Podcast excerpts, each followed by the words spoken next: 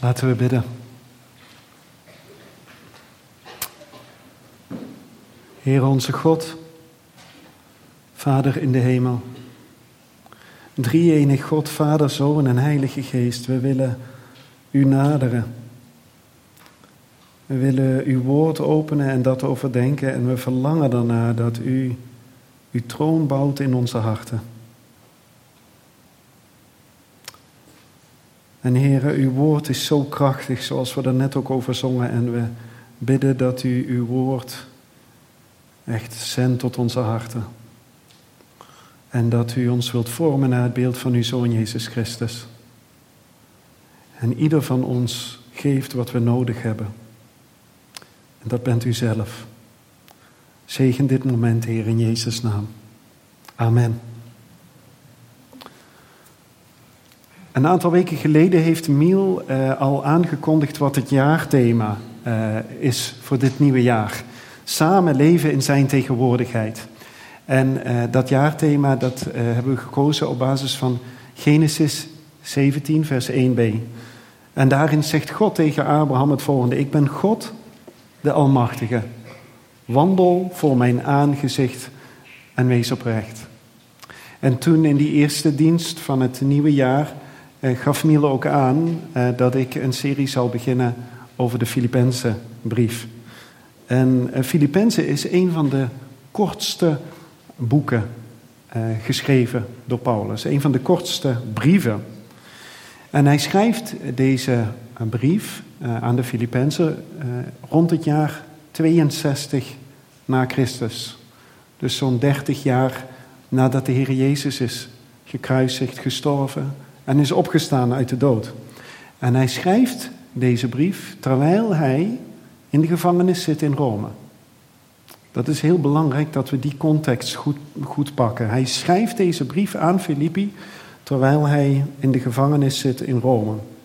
En hij zit daar te wachten op het moment dat hij de doodstraf zal krijgen. Dat is de context. En deze brief van Paulus is misschien wel zijn meest persoonlijke brief die hij schrijft. Wat ook uh, logisch is, zo aan het eind van zijn leven. En ook zo logisch is omdat hij zo'n bijzondere band had met de gemeente te Filippi, die hij zelf gesticht heeft. Tien jaar daarvoor. En daarover lezen we veel in handelingen.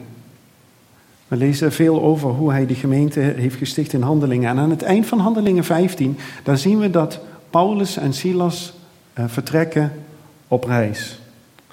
En dan in het begin van Handelingen 16, dan zien we dat ze Timotheus ontmoeten en dat Timotheus zich bij hen aansluit. Dus dan zijn ze al op zijn minst met z'n drieën. En als we dan verder lezen in Handelingen hoofdstuk 16, dan lezen we in vers 11 dat Lucas zich ook aansluit. Want dit is het moment waarop Lucas in handelingen, Lucas is de schrijver van handelingen, en op dit moment eh, dan verandert Lucas zijn schrijfstijl van zij naar wij. Dus Lucas was erbij vanaf dat moment, van vanaf handelingen 16, vers 11. En ze komen in Filippi aan en ze besluiten om naar de rand van de stad te gaan naar de rivier, om uh, de, naar de plek te gaan waar mensen samen kwamen om te bidden. En ze delen daar het evangelie en dan lezen we daar in dat stuk dat God het hart van Lydia opende. God doet dat. God opent het hart van Lydia. En Lydia is de eerste gelovige in Filippi die bij naam genoemd wordt. De eerste wedergeborene in Filippi. En daarna zien we dat Paulus en Silas al snel in de gevangenis terechtkomen. En daar zitten ze dan en ze, eh, ze, terwijl ze in de gevangenis zitten, zingen ze lofliederen. Zijn ze God aan het aanbidden. En uh, op dat moment komt er een grote aardbeving en uh, de cellen gaan open en de gevangenbewaarder raakt in paniek, want het was een hele belangrijke taak om gevangenen ook echt in bewaring te houden. En de gevangenbewaarder wil zelfmoord plegen, maar Paulus zegt stop. En hij deelt ook het evangelie aan die gevangenbewaarder. En de gevangenbewaarder is de tweede die specifiek genoemd wordt, die tot geloof komt. Twee mensen die specifiek bij naam genoemd worden. Lydia, de purperverkoopster. Purperverkoopster, daar wordt mee bedoeld dat ze uh, paarse kleding verkocht. En dat was, daar stond Filippi, die omgeving stond daar ook bekend om. Dus een purperverkoopster, iemand die handel drijft. En een gevangenbewaarder. Twee heel verschillende mensen, twee heel verschillende gezinnen. En zo wordt de gemeente in Filippi gesticht. Dat zijn de eerste mensen. Filippi was een Romeinse kolonie. Dat betekende dat het een hele belangrijke stad was.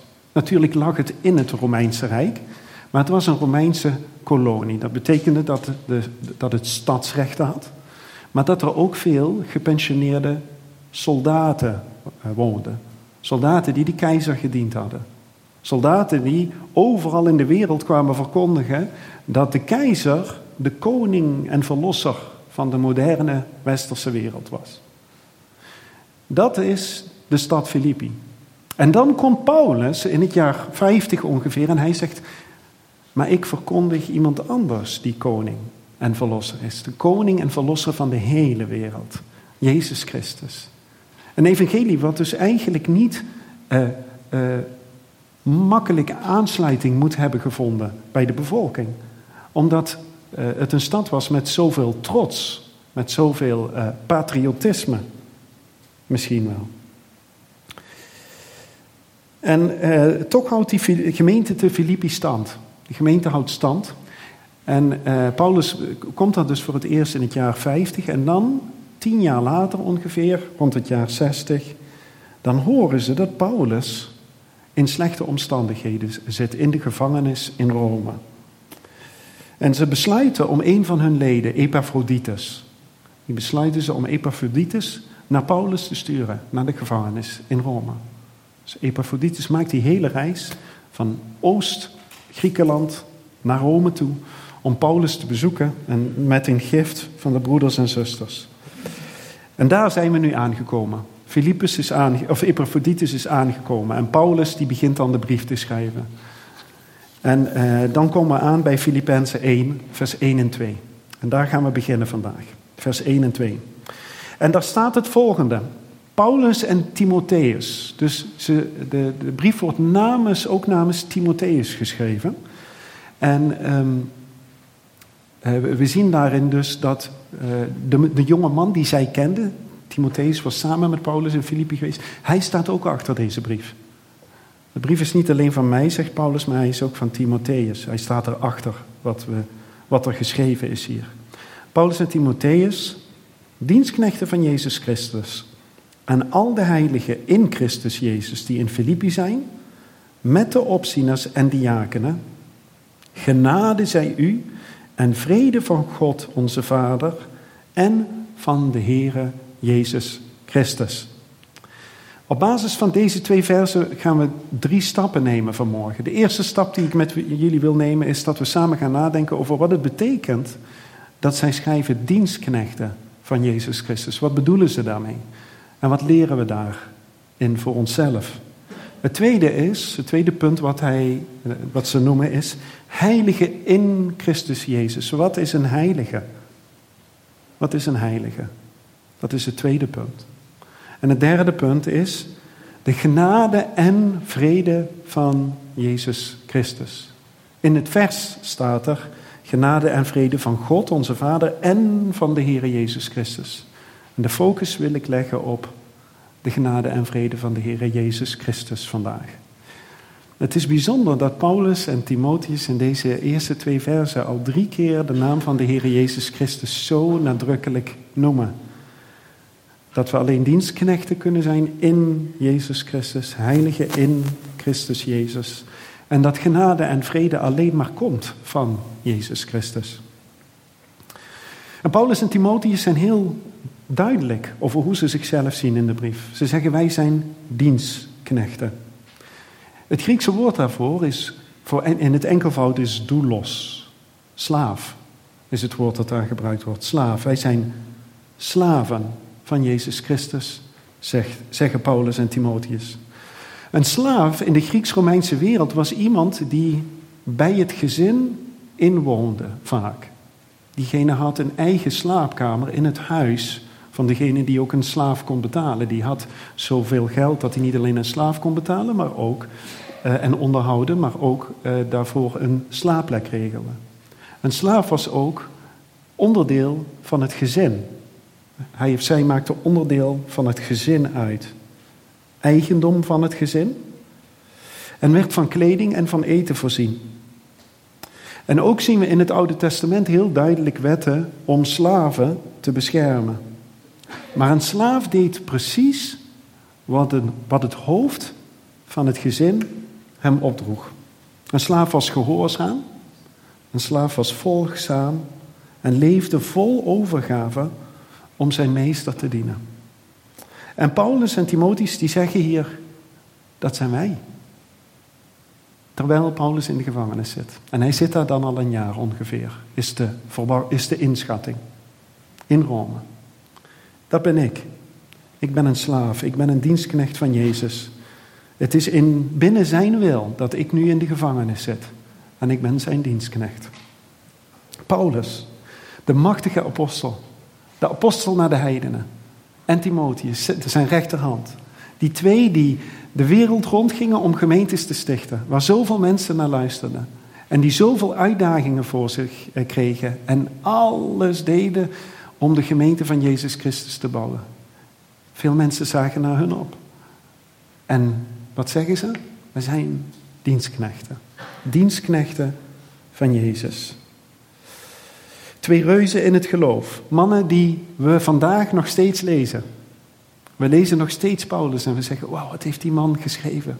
Wat is dat bijzonder? Wat leren we daar nog van? En toch noemen ze zichzelf zo. Ze hadden hun wil onderworpen aan de wil van Jezus. En ze wilden alleen Hem gehoorzamen, zoals een echte dienstknecht dat doet. Nou, en we zien daarin eigenlijk zo'n tegenovergestelde houding bij Paulus en Timotheus dan, als, dan de wereld om ons heen. Als we nu kijken, dan gaat het vaak om zelfpromotie of zelfbehoud of zelfbeschikking. Ik mag toch over mijzelf beschikken. Zelfachting. Acht jezelf hoger. Zelfsturing. Zelfpromotie noemde ik ook al als eerste. En Paulus en Timotheus zeggen: nee, niet zelfpromotie, zelfvernedering. Ik ben een dienstknecht. Ik ben een dienstknecht. En de wil van Jezus is goed voor mij. En die wil ik doen. Zijn doelen, zijn wil en zijn plan wil ik volgen. Dat is mijn plan. En daar zitten ze, Paulus en Timotheus, in die Romeinse gevangenis. De broer van Patricia, daar heb ik jullie al wat over verteld. En een aantal van jullie kennen hem en zijn gezin ook omdat ze hier zijn geweest. Zij werken met voorgangers in Honduras. Hij heeft een trainingscentrum, zoals we net zagen, en daar geeft hij ze les. Over hoe doe je een goede exegese? Hoe leg je de Bijbel goed uit? Welke regels pas je daarvoor toe? Dus hij helpt ze om de Bijbel beter te onderwijzen. En het is bijzonder om te zien hoe God hem daar zegent, hen daar zegent met dat trainingscentrum. En hoe ze contacten hebben met de mensen om hen heen en hoeveel voorgangers daar naartoe komen, naar dat trainingscentrum. Een tijd geleden was er op dat trainingscentrum een, een, een flinke storm en toen was er een boom omgewaaid. In Honduras is het zo dat als, de, als, er een, uh, als je een boom wil kappen, dan heb je daar een vergunning voor nodig. Ze willen ontbossing tegengaan. De reden daarvoor uh, is wel duidelijk. We hebben gezien wat de orkanen voor ravage hebben aangericht in dat land. Dus door ontbossing tegen te gaan, zegt men: voor iedere boom die je kapt, moet je een vergunning hebben. Die boom was omgewaaid. En samen met mensen uit de gemeenschap waren ze die in stukken aan het zagen. Hij wilde hen helpen om hun, uh, uh, ja, zodat die mensen hout hebben voor hun kachel, voor uh, voor eten, voor het klaarmaken van eten en noem maar op.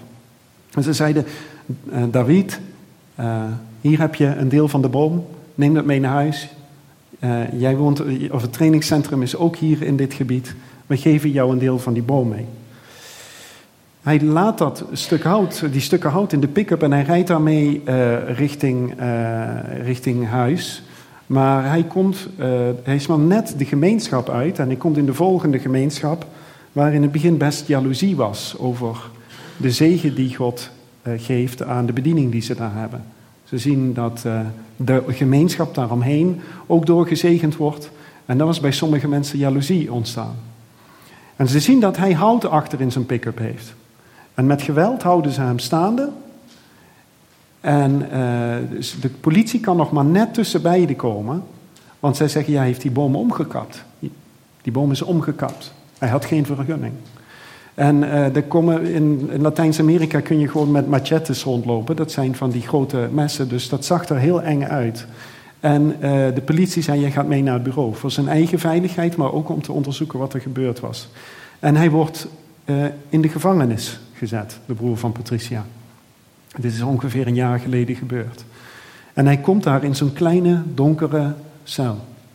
Kun je, we moeten ons dit eens proberen voor te stellen. Dus stel je voor dat je dit gebeurt.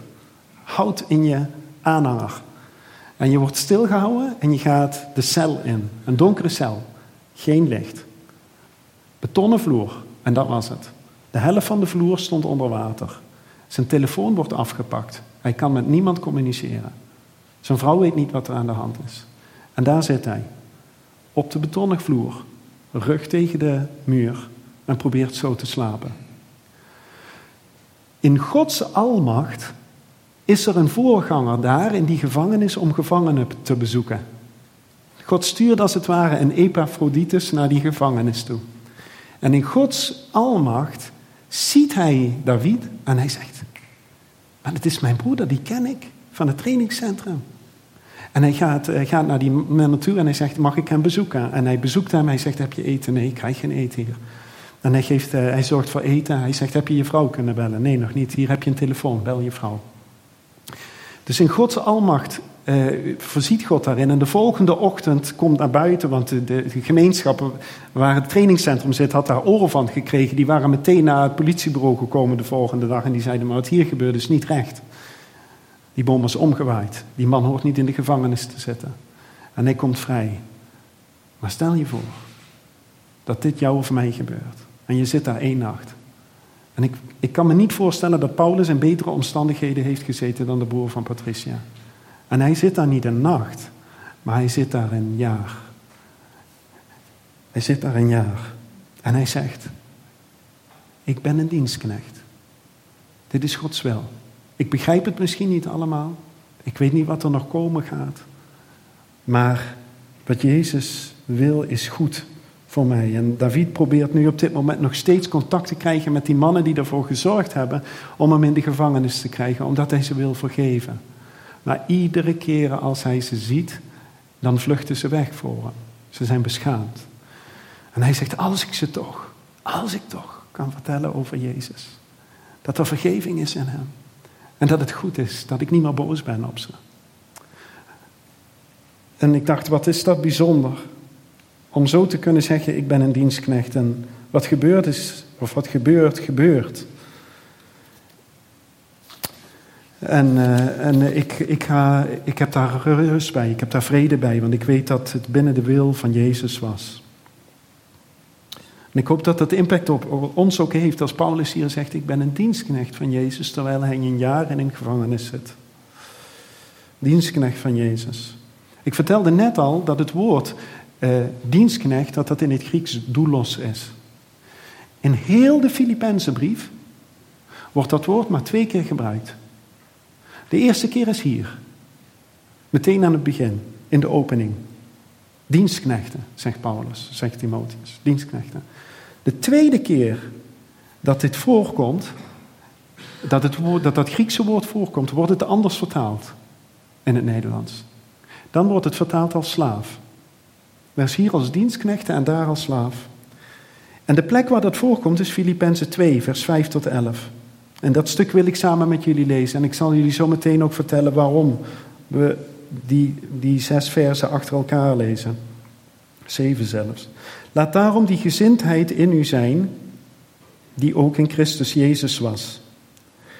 Die terwijl hij in de gestalte van God was, het niet als roof beschouwd heeft aan God gelijk te zijn, maar zichzelf ontledigd heeft door de gestalte van een slaaf aan te nemen en aan de mensen gelijk te worden. En in gedaante als een mens bevonden, heeft hij zichzelf vernederd en is gehoorzaam geworden tot de dood. Ja, tot de kruisdood. Daarom heeft God hem ook bovenmate verhoogd en heeft hem een naam geschonken boven alle naam. Opdat in de naam van Jezus zich zou buigen elke knie van hen die in de hemel en die op de aarde en die onder de aarde zijn. En elke tong zou beleiden dat Jezus Christus de Heere is tot heerlijkheid van God de Vader. En hier lezen we dat Jezus die in de gestalte van God was. In de gestalte van God. In de hemel. Aanbeden door alle engelen. En daar was hij. En hij zegt, ik leg het af. En ik wil worden als een slaaf, zegt hij. Ik wil worden als een slaaf. Niet zomaar als een mens. Ik zal niet tot de aarde komen als een koning of als iemand die regeert, maar als een slaaf. En Paulus die zegt, kijk, wij zijn dienstknechten. Wij zijn dienstknechten. Maar dat zijn we omdat hij de grote dienstknecht is. Hij is de grote dienstknecht. En hij is ons grote voorbeeld. We zien dat niet in deze verse. In het Nederlands zien we dat niet. Maar deze versen, Filippenzen 2, eh, vers 5 tot en met 11, zijn een gedicht. Paulus schrijft het als een gedicht. Hij rijmt woord na woord aan elkaar. En het is prachtig om te lezen. Het is werkelijk mooi om te lezen. Eh, eh, en ik hoop daar later in de serie nog bij jullie, samen met jullie bij stil te staan. Hij schrijft het als een gedicht wat hij hier schrijft over de Heer Jezus Christus. Dit is het centrale gedeelte van de Filipijnse brief, deze verse. En alles wat Paulus in die vier hoofdstukken aan elkaar breidt, van hoofdstuk 1 tot en met hoofdstuk 4, dat hangt hij allemaal aan deze zeven versen op. Vers 5 tot en met 11. En dat begint hij hier in vers 1 en zegt hij, dienstknechten, omdat wij de grote dienstknecht dienen. Ik wil hem volgen. Die hele brief aan de Filippenzen is daaraan opgehangen. Zijn dienstknecht wil ik zijn, zegt Paulus, en daarin volg ik hem na. In de uitdagingen van mijn leven, zegt Paulus, blijf ik nog steeds, wil ik zijn dienstknecht zijn. Net zoals Jezus zijn moeite, in zijn moeite aan het kruis een dienstknecht voor mensen bleef. En Miel citeerde in de nieuwjaarsdienst, in het kader van het jaarthema, een vers wat een paar versen hierna staat. Filippenzen 2, vers 15. En daarin staat, opdat u onberispelijk en oprecht zult zijn, kinderen van God, smetteloos, te midden van een verkeerd en ontaard geslacht, waaronder u schijnt als lichten in de wereld. En dit vers, vers 15, komt dus een paar versen na vers 5 tot en met 11. En Paulus die zegt dus als het ware, als je dit gedicht begrijpt, vers 5 tot en met 11 begrijpt, dan, dan wil je toch, dan kun je toch niet anders dan wat ik hier in vers 15 ook omschrijf. En dan wil je toch ook schijnen als volgelingen van Hem, oprecht als lichten in de wereld. En als je dat begrijpt, zegt Paulus, als je begrijpt wat er in die versen staat, dan lukt het je ook om stappen daarin te maken. Want hij begint het vers hier met opdat. Dus Jezus heeft dit allemaal gedaan, opdat wij dit kunnen doen. Smetteloos als lichten in de wereld. En het hele doel van Paulus met wat hij hier schrijft, is dat hij zegt, laten we allemaal samen een levende uiting van Jezus zijn.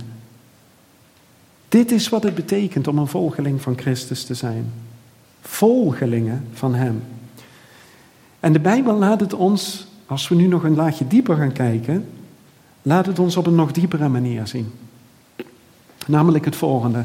200 jaar voordat Christus kwam, werd het Oude Testament door Joodse geleerden van het, van het Hebreeuws naar het Grieks vertaald.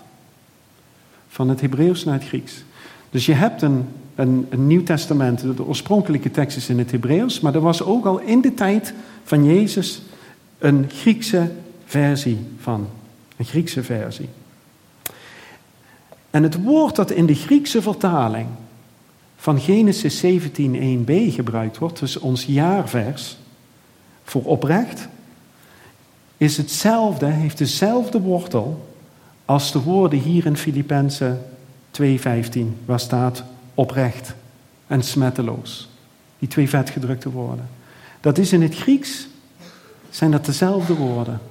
Dus er zit een enorm bijzonder verband tussen Filippenzen 2 vers 15 en Genesis 1 vers 17.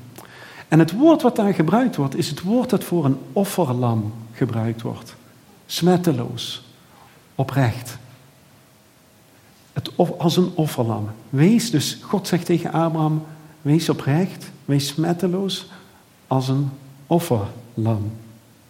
En nu mogen wij zeggen, 2000 jaar na Christus, of vanaf Christus, als we dat lezen, mogen wij zijn als het offerlam. Dat is wat we uit de tekst mogen halen, ook hier door die woorden alleen. In Genesis 17, 1b en in Filippenzen 2:15 mogen wij zijn als het offerlam. Als Jezus Christus, het lam, geslacht voor onze zonde. Wat een oproep als je daarnaar kijkt. Anders dan de wereld om ons heen. Anders dan de wereld om ons heen. Vreemd voor de wereld om ons heen. Als vreemdelingen voor de wereld. Zo hebben we daar ook bij stilgestaan. En dat omschrijft Paulus hier in vers 1 als heiligen. Heiligen. In Filippenzen 1 vers 1b zegt hij aan alle heiligen in Christus Jezus die in Filippi zijn. En heilig betekent geheel anders van aard. Anders van verlangen, anders denken, anders van zijn. Anders doen. Omdat? Omdat we apart gezet zijn.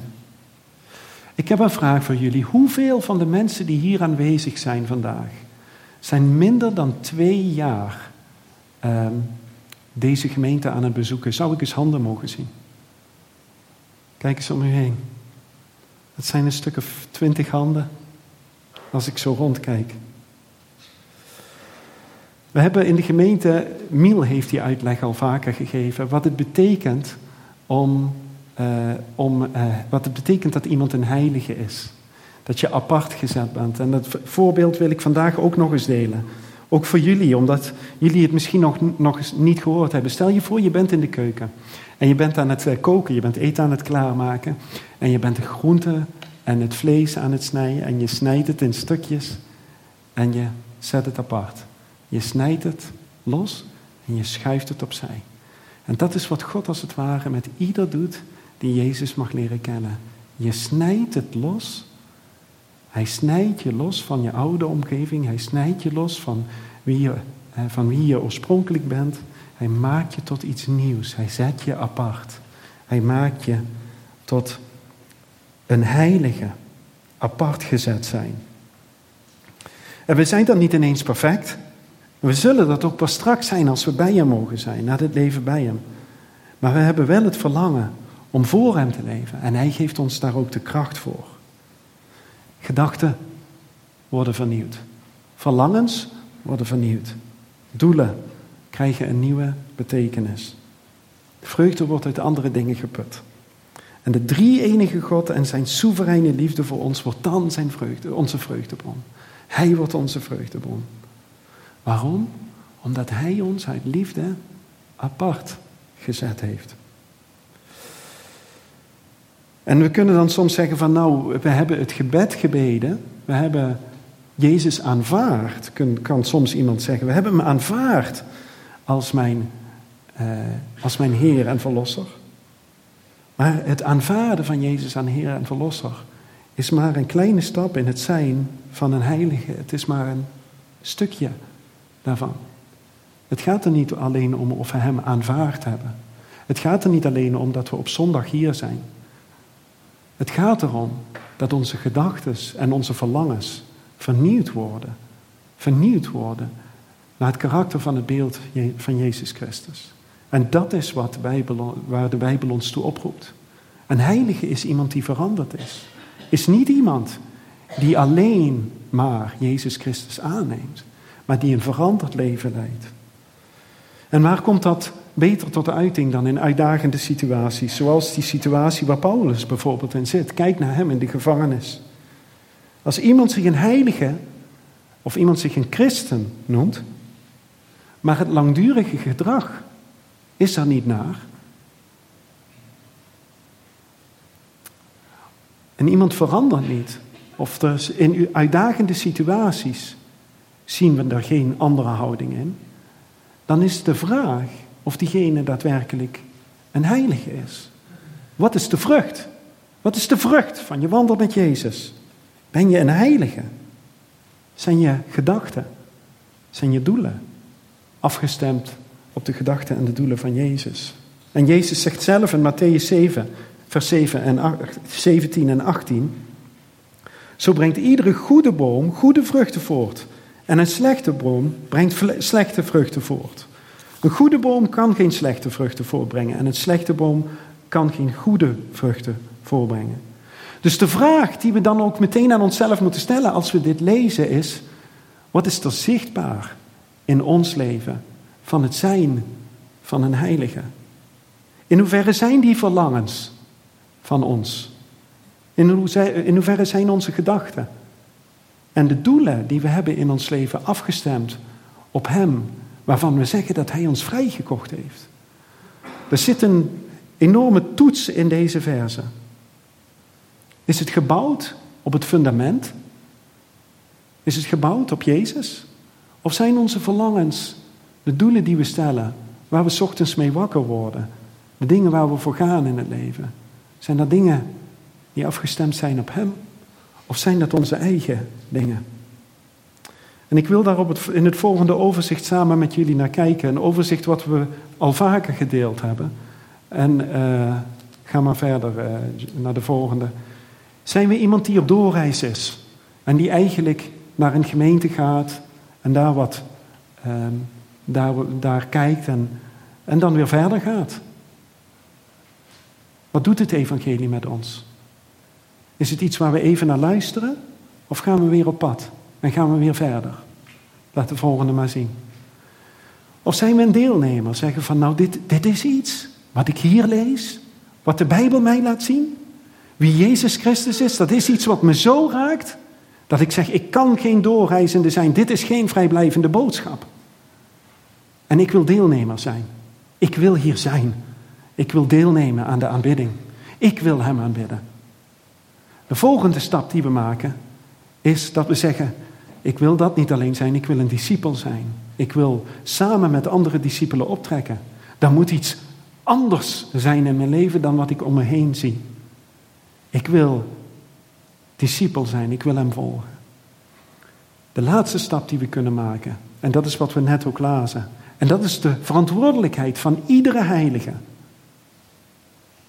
En dat is de stap die we maken en als we zeggen, maar ik wil dienen. Ik wil dienen. Mijn leven moet in dienstbaarheid zijn van Hem. Ik wil Hem dienen in de gemeente. Ik wil onderzoeken welke gaven en talenten de Heer mij heeft toebedeeld. En ik wil dat door de gemeente laten toetsen. En ik wil zeggen, hier ben ik. Ik wil dienstbaar zijn. Ik wil volgen. Ik wil Jezus volgen. Hij, de grote dienstknecht, wil ik volgen als dienaar. En ik wil voor mijn broeders en zusters in de gemeente tot dienstbaarheid zijn. Is er iets van dat in ons leven te zien? Dat we zeggen, ja, maar ik dien mijn broeders en zusters. Omdat ik voor ze bid, omdat ik zie dat er dingen gaande zijn. Ik dien mijn broeders en zusters omdat ik een taak wil opnemen in de gemeente als me dat gevraagd wordt. Omdat ik daarmee tot zegen ben. Dienstbaarheid. Dienstknecht zijn. En hij roept ons daartoe op. Hij roept ons daartoe op. Mag het ons iets kosten? We lazen net hoeveel dat het Jezus heeft gekost. Alles heeft hij achter zich gelaten. Mag het ons iets kosten om hem te dienen? Mogen we anderen tot zegen zijn? En dat is persoonlijke groei. Dat is persoonlijke groei. Dat is onze groei en dat is de groei van onze gemeente. Maar wat is de motor?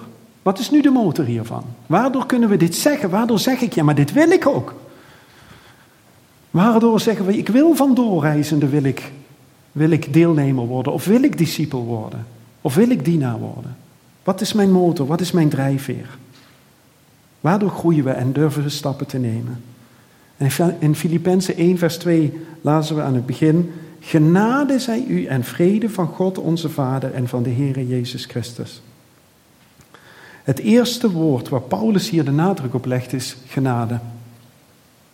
En genade is iets wat we niet verdienen en toch krijgen, zegt, zegt, is wel, hebben we wel eens gezegd hier in de gemeente. Het is iets wat we niet verdienen en toch krijgen. Of iets dat we wel verdienen, maar niet krijgen. En Paulus die legt dat aan Timotheus uit als hij aan Timotheus een brief schrijft. Paulus die eerst vervolger was van de kerk. Paulus die dacht, het is mijn doel om christenen te vervolgen en om ze te doden. Daar eer ik God mee, dacht Paulus. De grote vervolger van de kerk. En hij schrijft over Gods barmhartigheid, waarvan je zou denken als je in eerste instantie naar Paulus kijkt, zou je toch denken van een man die dat gedaan heeft, die zal toch Gods barmhartigheid niet verdienen. En dan schrijft hij in 1 Timotheus 1, vers 13 tot 15. Mij die vroeger een godslasteraar was, een vervolger en een verdrukker, mij is barmhartigheid bewezen, omdat ik het in onwetendheid gedaan heb in ongeloof. De genade van onze Heer is echter zeer overvloedig geweest, met geloof en liefde die er is in Christus Jezus. En dit is een betrouwbaar woord en alle aanneming waard dat Christus Jezus in de wereld gekomen is om zondaars zalig te maken van wie ik de voornaamste ben. En Paulus die wint er geen doekjes omheen. Hij zegt heel duidelijk in de laatste vers, ik ben een zondaar en ik ben niet zomaar een zondaar, ik ben de voornaamste. Ik weet wat ik gedaan heb in mijn leven. Ik weet wat ik op mijn kerfstok heb. Ik ben niet iemand die het verdient. Ik ben niet iemand die het verdient. En dan zegt hij in vers 13, maar mij is barmhartigheid bewezen. Ik heb barmhartigheid gekregen. Ik heb iets gekregen wat ik niet verdiende. En ik heb geen straf gekregen. Terwijl ik dat wel verdiende. En van Gods genade heb ik niet een klein beetje gekregen. Maar in vers 14 zegt hij: Ik heb het overvloedig gekregen. Het is zeer overvloedig geweest. En we lazen net over Lydia, of daar stonden we bij stil. En in het leven van Lydia zien we dat God komt en God haar hart opent. God opent haar hart. Hij doet het. Gods genade is niet alleen overvloedig, het is niet alleen onverdiend, maar het is ook onweerstaanbaar. Overvloedig onverdiend en onweerstaanbaar. En hoe is dat mogelijk? Hoe is het mogelijk dat we barmhartigheid van God ontvangen, ondanks die dingen die we doen? En God zegt het, of Paulus zegt het hier in dat eerste woord. Het is omdat God genadig is. Genade en vrede van God. Hij doet dat. En dat is alleen maar mogelijk. Omdat Jezus Christus voor onze zonde aan het kruis is gestorven. Het is alleen maar mogelijk omdat hij de last heeft gedragen voor iedereen die het durft te geloven en zegt ik ga hem volgen. En hij is niet alleen gestorven, maar hij is ook opgestaan. Het offer is aanvaard. En hij is tot de hemel gevaren. Daarin zien we de overvloed. Daarin zien we de onweerstaanbaarheid van Gods liefde en van Gods genade. Het is ons gegeven in Jezus Christus. Dat is het offer. En, Paulus die zegt, ik kan alleen maar een dienstknecht zijn, omdat ik mijn zicht daarop heb. Ik houd het ook niet vol zonder daarnaar te kijken. Wil ik voortdurend kunnen blijven dienen en een dienstknecht zijn van God en een dienstknecht zijn van mijn broeders en zusters, dan kan dat alleen maar als ik mijn oog op deze genade gericht hou. Anders houd ik het niet vol. Dan zit ik in de gevangenis en geef ik het op. Dan gaat er, zit er iets tegen en dan wil ik niet meer. Dit is het fundament waar de kerk 2000 jaar lang al op gebouwd wordt. En dit is het enige fundament waar jij en ik ook op kunnen bouwen. En door de woorden hier van Paulus kunnen we onszelf de vraag stellen: wat is er te zien in mijn leven daarvan, van dat fundament? Is dat te zien dat ik een heilige ben? Zijn mijn verlangens, zijn mijn doelen, zijn mijn gedachten veranderd? Wil ik een dienstknecht zijn? Wil ik me daar naar uitstrekken om de grote dienstknecht te volgen? En alleen als we dat zien en daarin groeien, alleen dan zal God ook die diepe persoonlijke vrede geven waar Paulus over spreekt in vers 2. Hij zegt, je krijgt niet alleen genade in Jezus Christus, maar er is ook vrede in Hem te ontvangen. Allebei. En het gaat niet los van elkaar. De vrede die we onszelf aanpraten als er geen genade zou zijn in ons leven, is een valse vrede. Alleen in de genade van Jezus Christus is er die ware vrede te ontvangen. Dan is er vrede dan je, dan je niet eerder gekend hebt. Dan is er toegang tot God en is er hoop na het graf. Hoop na de dood. Toegang tot God. Alleen daarom. En niet buiten Hem om. Als we naar dat schema nog eens kijken. We kijken naar die vier, uh, uh, vier schalen. Waar sta je zelf nu? Waar sta je zelf? In welke van die vier sta je? En wat, waar roept de Heer jou tot op vanochtend? Welke stap kun je maken? Een stap naar buiten is niet mogelijk als je die ware diepe vrede wil ontvangen. En de stap naar binnen toe geeft je alleen maar grotere en diepere vrede. Omdat je focus zal zijn op de genade. En hij zegt, kom tot mij en laat me hier vormen tot een dienstknecht. Wat zijn de angsten die je weerhouden? Is het gebrek? Is het moeite? Of is het pijn om je verder over te geven aan Jezus? Is dat de angst? En God zegt, ja, maar wil je diepe vrede ervaren? Wil je groeien in die genade? Kom dichter tot mij. En ik wil je een scherper beeld daarop geven. Laat dit niet aan je voorbij gaan en besluit vandaag. Ik maak een stap. Ik wil me overgeven aan u, Heer. De belemmeringen die ik ervaar, wil ik neerleggen. Ik wil op u vertrouwen. Wat dat ook mogen kosten. Dat we mogen leven als de grote dienstknecht. Laten we bidden. Vader in de hemel. Here, wat is het kostbaar om te zien dat u zelf, Heere Jezus, de grote dienstknecht bent. En dat u ieder van ons oproept om u te volgen. En dat we dit alleen maar kunnen door de genade die we mogen ontvangen in uw Zoon Jezus Christus. Hij die voor onze zonde aan het kruis is gestorven. En u verlangt ernaar om ons steeds meer te vormen.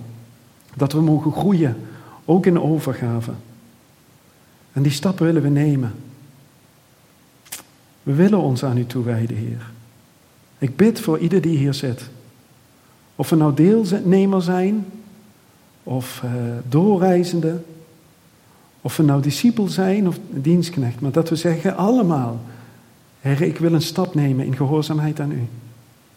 En de angsten die ik mogelijk zou hebben, zoals Paulus misschien ook angsten heeft gekend toen hij in de gevangenis zit, Heer, ik wil ze aan U overgeven. Ik wil bij U zijn en ik wil van Uw genade proeven en die diepe vrede steeds meer in mijn leven ervaren. Ik bid, Heer, dat we die overgave nemen omdat we zien hoe kostbaar en hoe mooi, hoe liefdevol uw karakter is. Dat vragen we u, Heer. In Jezus' naam. Amen. Ik wil u vragen om te gaan staan. Ja, Vader in de hemel. We willen ons leven aan u overgeven en in uw handen leggen. In u alleen is het veilig. En bij u alleen is het goed. En we zijn u zo dankbaar, Heer, dat u dat heeft laten zien in uw Zoon Jezus Christus. Dat onze harten van u mogen zijn, Heer, dat is ons gebed. En zo bidden we dat u ons wilt zegenen. En die zegen die geeft u zelf in uw woord. En dat is de Heere zegene u en behoede u. De Heere, u zijn aangezicht over u lichten en zij u genadig. De Heere verheffen zijn aangezicht over u en geven u de vrede van de grote dienstknecht, Jezus Christus. Amen. Amen.